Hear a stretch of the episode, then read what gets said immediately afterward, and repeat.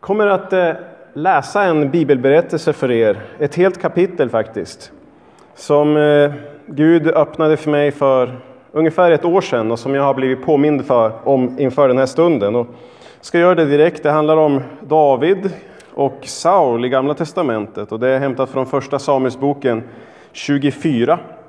Jag ska läsa hela det kapitlet, kommer också upp på skärmen här om du vill följa med där eller i, i din egen bibel. Första Samuelsboken 24 i Jesu namn. David drog upp därifrån och uppehöll sig bland Engidis bergfästen. När Saul kom tillbaka från filisterna talade man om för honom att David var i Engedisöknen. Då tog Saul 3000 män ut, utvalda ur hela Israel och gav sig av för att söka efter David och hans män på stenbocksklipporna. När han kom till fårfållorna vid vägen fanns där en grotta och dit gick han in för att uträtta sina behov. Men David och hans män satt längst inne i grottan. Davids män sa till honom, se, detta är den dag som Herren har talat till dig om. Se, jag ger din fiende i din hand så att du får göra vad du vill med honom. Då reste David sig och skar obemärkt av en flik på Sauls mantel. Men efteråt slogs Davids samvete honom för att han hade skurit av fliken på Sauls mantel. Han sade till sina män, Herren förbjude att jag skulle göra detta mot min herre, mot Herrens smorde, att jag skulle räcka ut min hand mot honom. Han är ju Herrens smorde. David höll tillbaka sina män med stränga ord och tillät dem inte att överfalla Saul. Och Saul steg upp och gick ut ur grottan och fortsatte sin väg. Då steg också David upp och gick ut ur grottan och ropade efter Saul. Min herre och konung! När Saul såg sig tillbaka böjde sig David ner med ansikten mot jorden och bugade sig, och han sa till Saul, varför lyssnar du till sådana människor som säger att David vill din olycka? Du har ju med egna ögon sett hur jag skonade dig när Herren idag hade gett dig i min hand i grottan och man uppmanade mig att döda dig. Jag tänkte, jag ska inte räcka ut handen mot min herre, han är ju Herrens smorde. Se själv, min fader, jag ser här fliken av din mantel i min hand. Genom att jag skar fliken av din mantel men inte dödade dig kan du se och förstå att jag inte velat göra dig något ont eller begå något brott och att jag inte har syndat mot dig. Men du jagar efter att ta mitt liv. Herren ska döma mellan mig och dig och Herren ska hämnas mig på dig, men min hand ska inte komma vid dig. Det är som det gamla ordspråket säger, från de ogudaktiga kommer vad ogudaktigt är. Min hand ska inte komma vid dig. Vem har Israels konung dragit ut efter? Vem är det du jagar? En död hund, en loppa? Må Herren vara domare och döma mellan mig och dig. Må han se till detta och utföra min sak. Ja, må han döma mig fri från din hand. När David hade sagt detta sade Saul, är det inte din röst, min son David? Och Saul brast ut i gråt. Han sa till David, du är mer rättfärdig än jag, för du har gjort gott mot mig fastän jag har gjort ont mot dig. Du har idag låtit mig se din godhet mot mig och inte dödat mig, då Herren hade överlämnat mig i din hand. När någon träffar på sin fiende, brukar han då låta honom gå sin väg i frid? Herren må löna dig med gott för vad du har gjort mot mig idag. Nu vet jag säkert att du ska bli kung och Israels kungadöme ska förbli i din hand. Men lova mig nu med ed vid Herren att du inte utrotar mina efterkommande och inte utplånar min, mitt namn ur min fars hus. Då lovade David detta med ed inför Saul och därefter vände Saul hem. Men David och hans män drog upp till bergsfästet. Låt oss be igen. kommer att tala om förlåtelse utifrån det här ordet. Och min bön är, gode Gud, lär oss att förlåta. Ja, hjälp oss att förlåta. Hjälp oss att vara som David och öppna det här ordet för oss idag. Det ber jag om i Jesu namn. Amen. I de yngstas bibel, ja det är en bibel som vi delar ut till de som eh, får bli barnvälsignade. Då kan man läsa om berättelsen om David och Goliat. Och man kan läsa om den unge David som sen kommer till, eh, till Sauls hov. Och Saul han blir avundsjuk på David som får folkets beröm. Och Saul han försöker döda David med sitt spjut. Men David han flyr. Och i de yngstas bibel så är det allt man får reda på om David och Saul. Just vid den tiden då, då eh, Gud hade öppnat den här berättelsen för mig, som jag sa, och jag kommer till det, så, så frågade min fyraårige son, när vi då läste om David och Saul. Vad hände sen? Vad hände sen mellan, mellan David och Saul när, när David flydde från spjutet och sådär? Och det har gjort att den här berättelsen, inte bara David och Goliat, utan också berättelsen om David och Saul i grottan, det har blivit en, en klassiker vid kvällsläsningen hemma. Det är ju en väldigt spännande händelse det här. Det är lätt att leva sig in. De, Saul och hans 3000 män som spejar och letar efter David. David och hans 600 kan man läsa om tidigare, som gömmer sig inne i grottan. Och Saul som precis då behöver gå på dass. Han gick in för att, för att göra sina behov. Det är det det står. Ensam går han in i grottan, där David och hans män råkar vara. Visst, det är ju otroligt dråpligt. Och David, trots Sauls illvilja mot honom, förbarmar sig. Han förbarmar sig. Och här finns det alltså mycket att lära om förlåtelse och jag vill dela vad Gud har rört vid mig. Men innan vi ens kommer till grottan och så där så vill jag ändå ställa frågan varför var egentligen Saul så arg på David att han ville göra sig av med honom? Ja, han ville döda honom. Och för det första så var han avundsjuk. David han hade besegrat Goliat, den där jättelika filisten. Han hade inte behövt Sauls rustning, han hade bara behövt Gud som hjälp. Om det hade varit hela historien mellan David och Saul då alltså, då hade Saul kanske kunnat vara glad över David. Han hade ju hjälpt honom att bli av med ett stort problem. Filisterna och deras jättekrigare som hotade Israel och, det, och folket. Och dessutom kan man läsa om att han blev direkt vän med, med hans son Jonatan. Och, och Saul han tog in David till sitt hov och lät honom bo där, ville att han skulle göra det. Så långt var det okej. Okay. Men David han fortsatte strida åt Saul och då hände följande och då är vi i första Samuelsboken 18. Jag vill läsa några verser där, kommer också. Det står så här från vers 5 i första Samuelsboken 18. När David drog ut då hade han framgång överallt dit Saul sände honom. Därför satte hon, Saul honom över krigsfolket och allt folket uppskattade honom. Också de var som Sauls tjänare. När de kom hem då, då David vände tillbaka efter att ha dödat filisten, alltså Goliat, då gick kvinnorna ut från alla Israels städer, alla Israels städer, under sång och dans för att möta kung Saul med jubel, med pukor och trianglar. Kvinnorna sjöng och dansade och sa Saul har slagit sina tusen, David sina tiotusen. Då blev Saul mycket vred. Dessa ord berörde honom mycket illa. Han sa åt David har de bara gett 10 000, åt mig har de gett tusen. Nu är det bara kungadömet som fattas honom. Och från den dagen så hade Saul ett ont öga till David. David han var alltså han hade framgång och han var omtyckt om, av alla, av allt folket. Och nu sjöng de att han hade slagit fler än Saul. Saul, som man märker av de här orden, han började tänka att David var ute efter, efter tronen. Och Sauls ilska den tilltar gentemot David och den, den fortsätter när han speciellt försöker ja, överlista David och för, genom att bli av med honom på ett speciellt sätt. Och man kan säga att han blir överlistad av sin egen list, alltså Saul. Det är så här att Saul han, han önskar att David ska dö och han erbjuder honom en av sina döttrar. Mot att han fortsätter att strida hans krig. Och Saul han, han håller tummarna. Nu hoppas jag att han dör. Det är vad som finns i Sauls hjärta.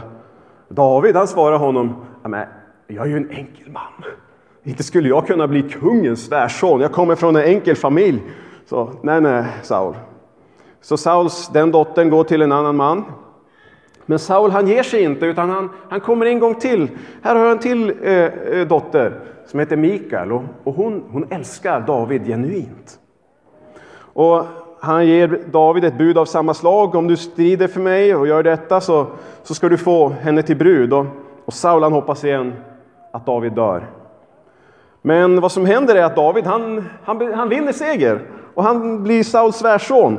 Och då kan man läsa så här i slutet av kapitel, samma kapitel 18, så första Samuelsboken 18, vers 28. Men Saul såg och förstod att Herren var med David och att Sauls dotter Mikael älskade honom. Då blev Saul ännu mer rädd för David och Saul blev Davids fiende för alltid. Men filisternas furstar drog ut i fält och så ofta de gjorde det hade David större framgång än någon annan av Sauls tjänare så att hans namn blev mycket aktat. Han blev Davids fiende för all framtid. Bakom de här orsakerna av avundsjuka, av att försöka överlista David men bli, bli överlistad av sig själv, så finns någonting ännu djupare.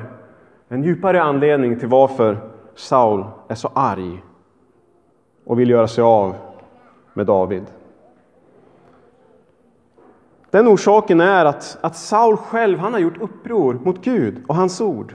Och på grund av sin olydnad mot Gud tidigare så hade Gud talat till honom genom Samuel som en gång hade krönt honom till kung på Guds befallning. Han hade berättat för, för Saul att ja, men, ditt kungarike det ska, det ska tas ifrån dig. Det ska ryckas ifrån dig. Ja, man kan läsa så här i Första Samuelsboken 15, vers 27 och 28, när, när Saul får det här meddelandet. Och lägg märke till en speciell detalj i den här versen, i vers 27. Det står så här att, att eh, ja, men Samuel han säger att Gud har förkastat honom och han ska, han ska inte längre vara kung och så fortsätter han och gör någonting. Vers 27 i kapitel 15. När Samuel vände sig om för att gå, då tog han fast i hörnet i hörnet på Sauls mantel och den slet sönder. Och Samuel sa till honom Herren har idag ryckt Israels kungarike från dig och gett det åt en annan som är bättre än du. Undra på att när folket ropar Saul, du har slagit tusen, men David har slagit tiotusen. Så tänkte han säkert, ja, det kommer en som är bättre än dig. Han ska ta tronen också. Den ska ryckas ifrån dig. Han som är bättre än dig ska ta den. Så i sitt uppror mot Gud, sitt tidigare uppror mot Gud, så vill Saul göra sig av med David.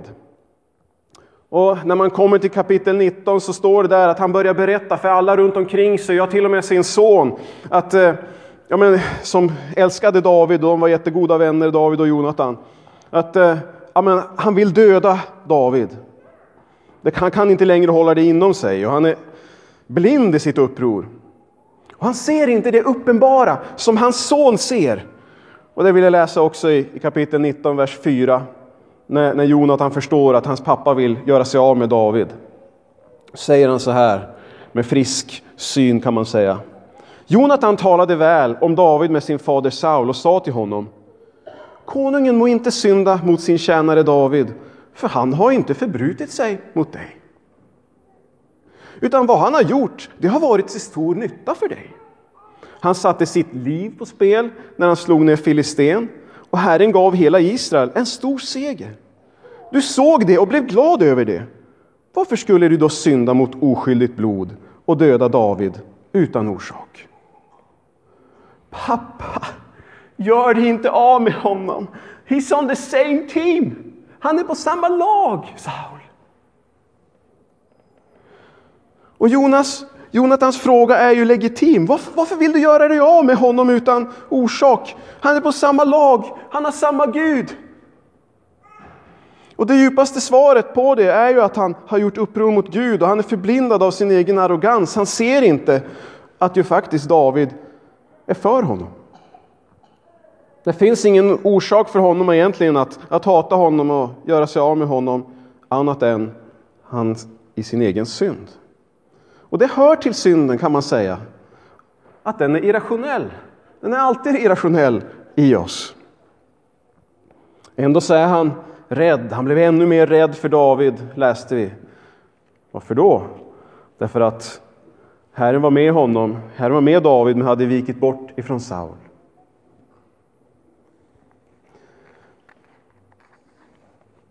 På den här dagen när Jonathan sa de här orden så, så lyssnade han till en början med. Men det dröjde inte länge, jag vet inte exakt hur, förrän han började jaga efter Davids liv.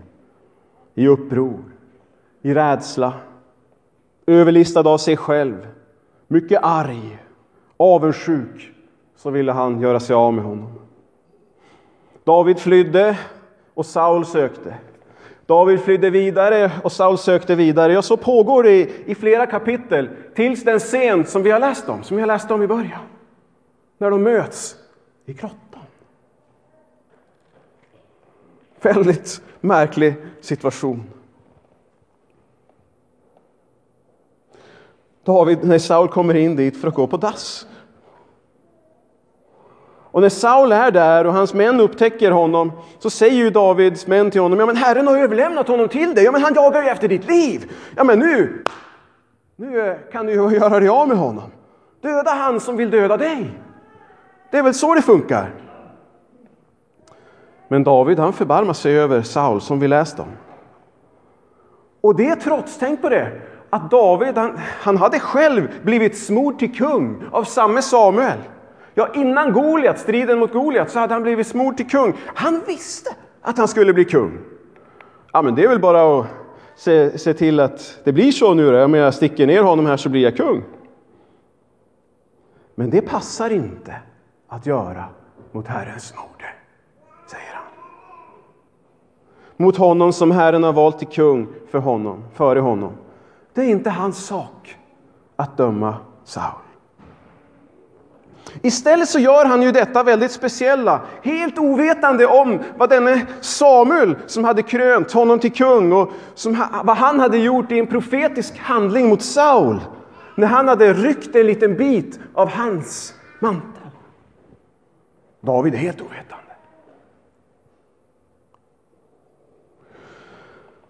Vad gör han? Jo, han tar sitt svärd, han skär en bit av Sauls mantel, kanske när han sitter och gör sina behov, vi vet inte.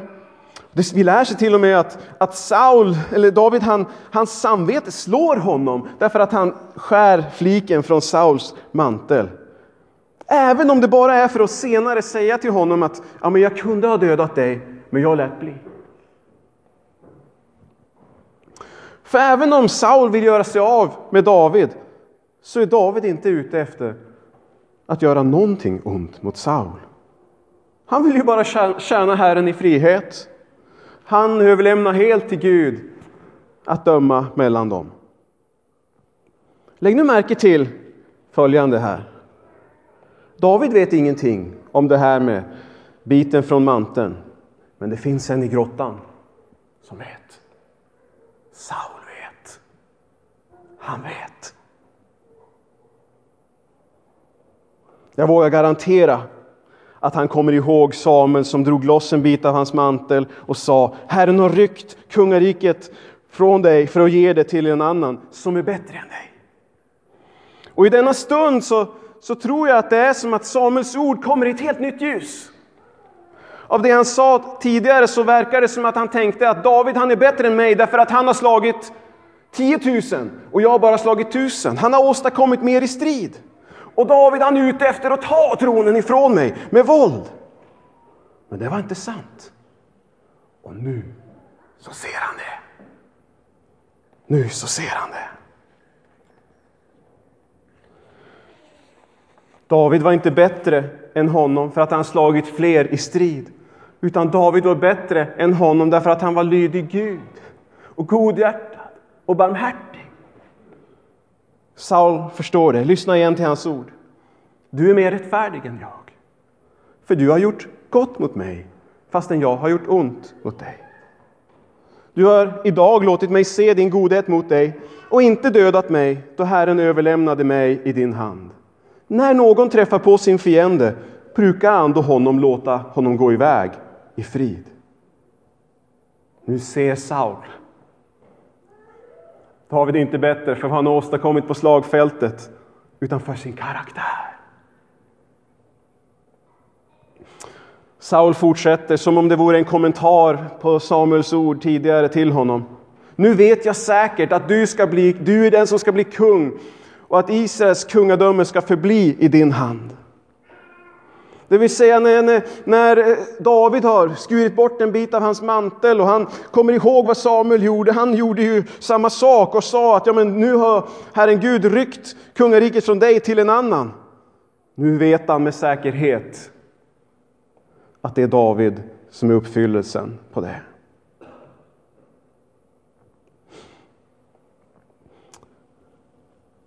som tidigare så hade ju Saul lyssnat till Jonatan en liten stund när han förklarade att ja, men han, han är ju inte våran fiende David.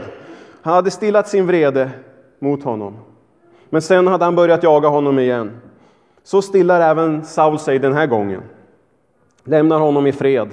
Men om man fortsätter läsa så dröjer det inte länge tills han jagar honom igen. Varför igen? Därför att han gjort uppror mot Gud, vill göra sig av med David, trots att han är dömd att misslyckas. Ja, om man skulle fortsätta läsa så är det till och med så att, att Saul en gång till hamnar i Davids händer precis framför honom.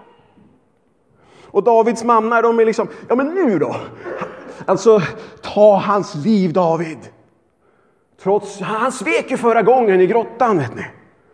David, det är Herrens moder. I will not touch him. Jag ska inte röra honom. Det är Guds sak att döma. Jag sa att för ett år sedan så ungefär så blev jag berörd av den här berättelsen. Jag läste den i min personliga andakt och, och när jag läste den så gjorde jag en mycket, mycket stark identifikation. Vad som hände var att Sauls tårar blev mina tårar. Han grät när David förklarade att han inte ville något ont mot honom. Han grät. Han brast ut i gråt. Det träffade mig. Jag grät därför att det blev så klart att jag, precis som Saul, jag förtjänar döden. Men jag har fått förbarmande. I min tidigare förnekelse av Gud, i min förföljelse av Gud, i min, mitt återkommande dagliga uppror mot honom, i min själviskhet i vardagen, i mitt högmod, i min bortvändhet från, mot Gud så ofta, i min synd. I allt detta så förtjänar jag, likt Saul, i sin ondska mot David, att dö. Har det träffat mig? Men likt honom som mötte, som, som mötte, har jag mött förbarmande. Jag har mött förbarmande, inte av David, han lever ju inte längre förutom hemma hos Gud, utan av Davids son. Fastän vi förtjänade att dö så har ju han förbarmat sig mot oss. Han har behandlat oss bättre än vad vi förtjänar.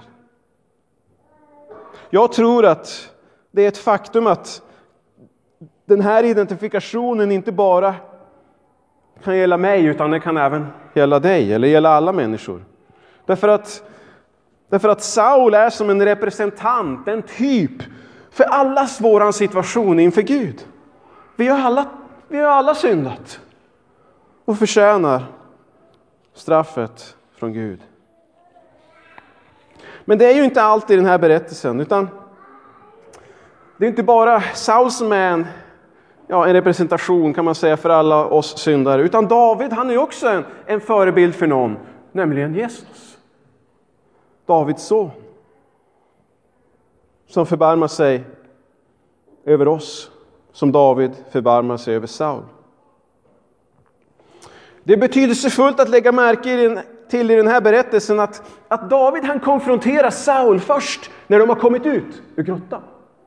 Ut ur dunklet eller mörkret. Och jag tror att det finns någonting som är sant här, både om Saul inför David, som kom ut ur grottans mörker i dagsljus, som också är sant om oss inför Gud. Lyssna.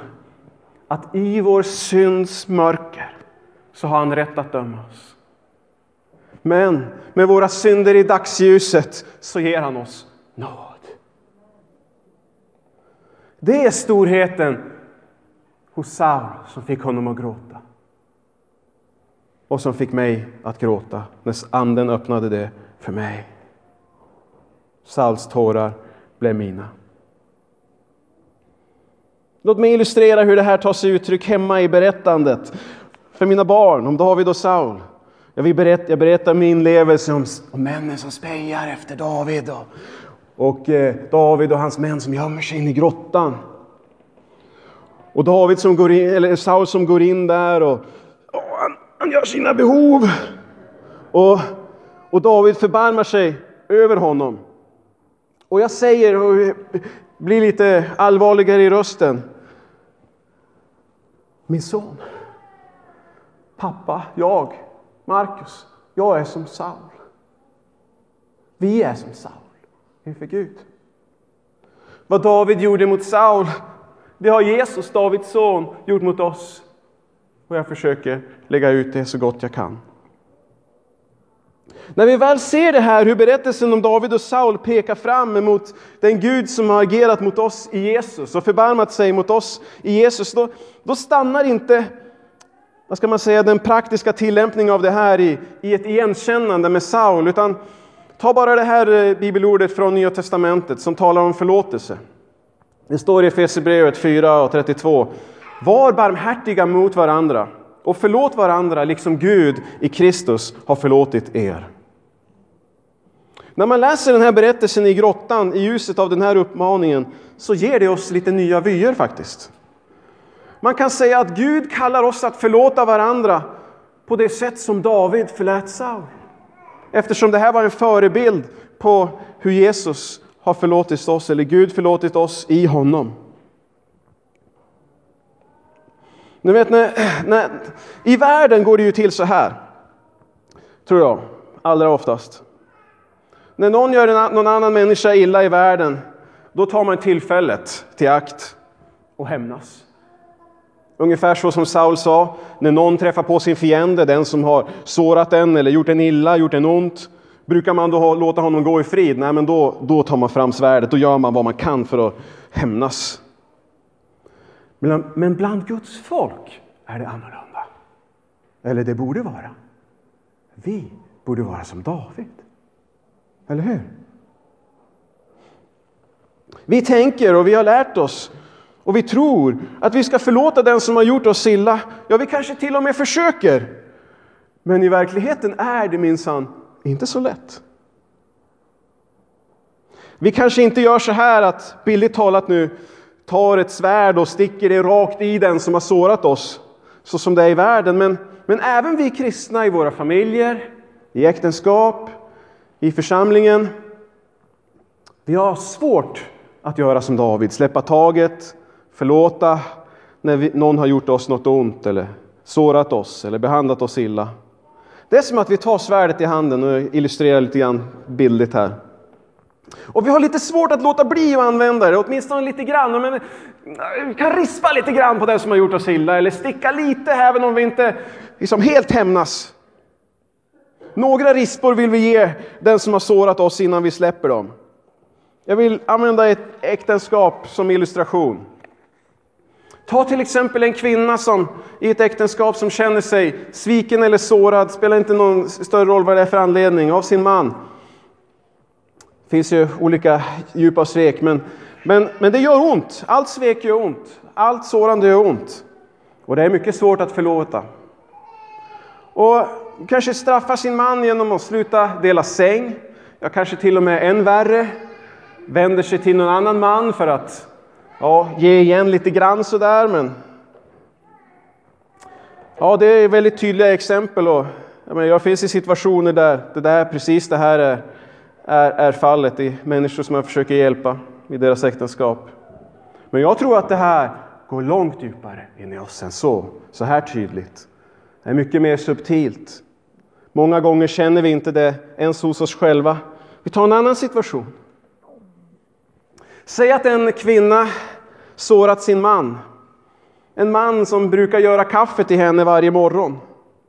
Men sårad av det som han har gjort, eller det som hon har gjort, så jag, så, ja, men nu jag gör jag inte kaffe den här morgonen. Eller han kanske tänker, han är sårad av det, ja, men, ja här gör jag kaffet här, men nej, mjölken får hon ta fram själv. Det är liksom svärdens rispor, små stick. Är ni med? På flera ställen talar Bibeln om att tungan är som ett skarpt svärd.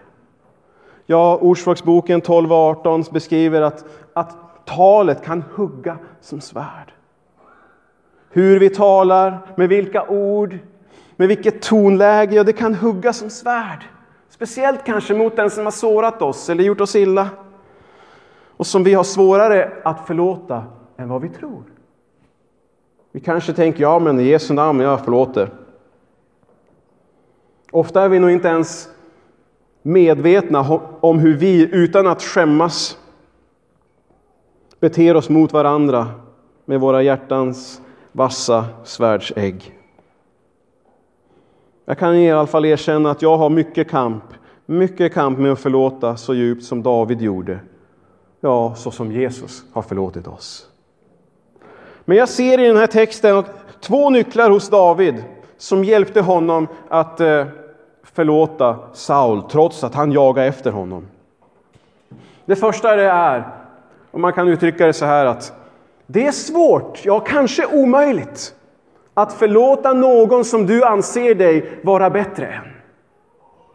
Det är svårt att förlåta den som du anser att du är bättre än den personen. Vet ni vad som händer när, när om någon syndar mot oss utan orsak, och det var ju det som David hade varit med om. Det är att det lätt är så att vi börjar betrakta den personen annorlunda. Istället för hur, vem, vem den personen är så börjar vi tänka eller känna om den personen som en syndare. Och om vi tänker att ja, jag är oskyldig i det här, och det, det kanske vi är. Då ser vi oss själva som rättfärdiga, eller hur? Och den som har gjort oss illa ser vi som en syndare. Utan att du tänker på det så börjar du då lätt se dig själv som bättre än den som har gjort dig illa.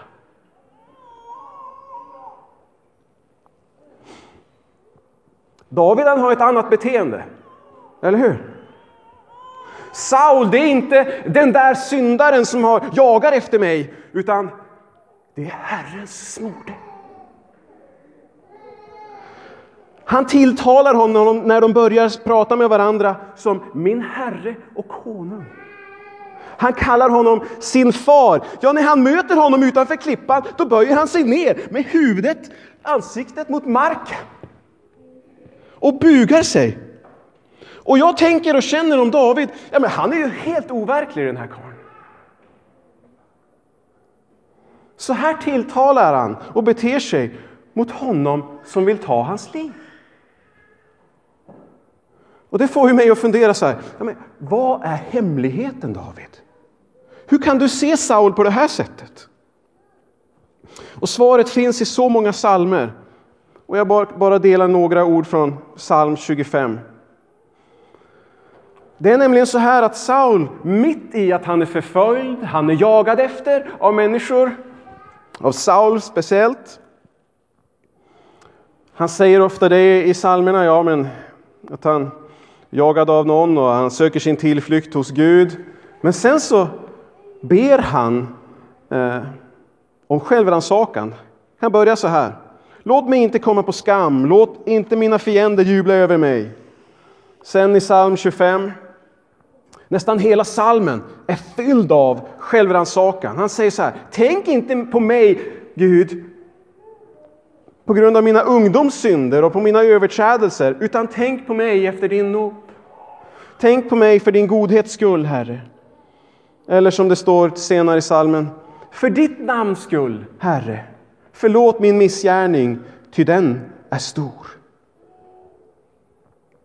Vad hände med David? Eller vad skulle hända med dig om du ransakade dig själv, ditt eget hjärta, din egen synd, om du sökte efter Guds nåd som David gjorde så ständigt? Mitt i att vara förföljd, mitt i att vara sårad, sviken, kanske mycket djupt. David var sviken mycket djupt. Hur får det att se på dig själv? När du rannsakar dig, ser din egen synd, kommer till Gud, hans nåd. Ja, i bästa fall så ser du dig själv som en förlåten syndare. Halleluja, vi vet det ännu mer än David. I Jesus blod som tvättat oss rena. Han som förbarmade sig över oss. Han som behandlade oss bättre än vad vi förtjänade. Som David i förhållande till Saul en förebild om.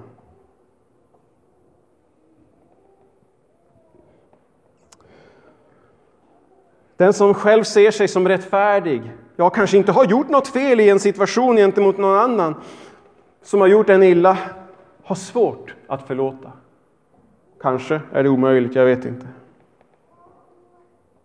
Men David han ser sig själv som en förlåten syndare, inte som någon som är bättre än någon annan, och därför säger han, det här är Herrens mode, min Herre och konung. En andra nyckel hos David, var vad det är som gör att han kan förlåta Saul. Och det är att han har inte tagit domen i sina egna händer, utan han har överlämnat allt till Gud. Herren ska döma mellan mig och dig, Saul. Herren ska hämnas mig på dig, men min hand ska inte komma vid dig. Inte ens om jag har möjligheten med ett svärd i en grotta med 600 man bakom mig. Samma sak gjorde ju Jesus på korset.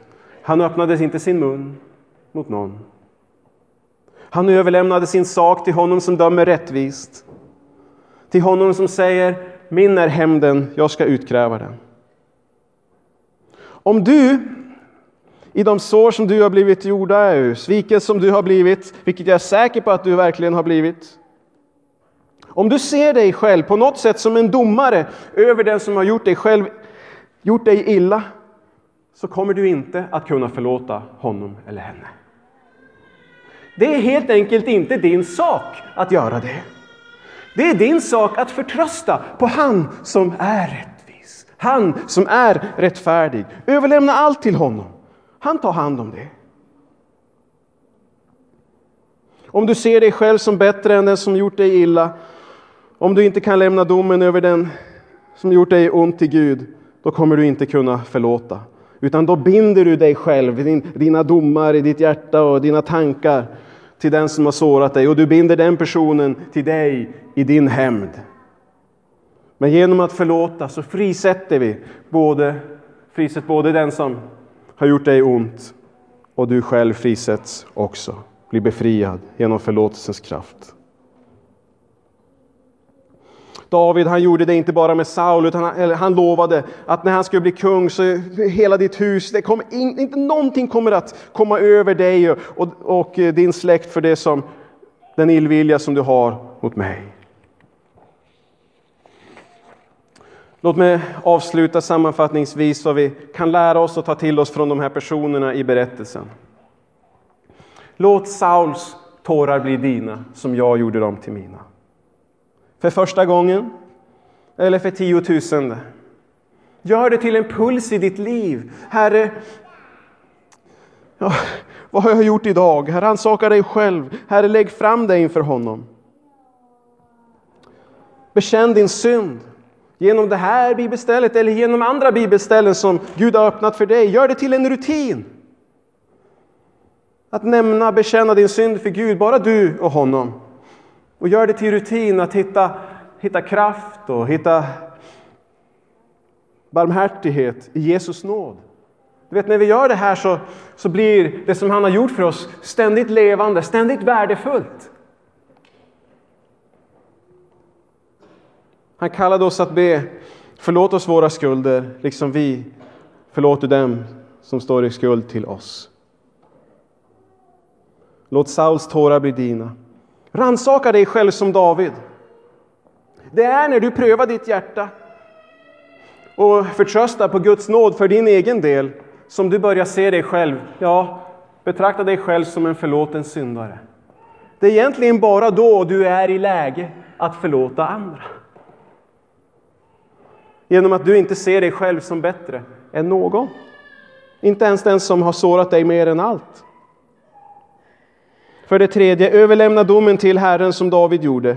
Sätt dig själv och andra fri. Domen är ändå inte din, den är helt och hållet Jesus. Han som ensam är värdig att öppna bokrullarna som det står i Uppenbarelseboken. Det är han som ensam är värdig att döma.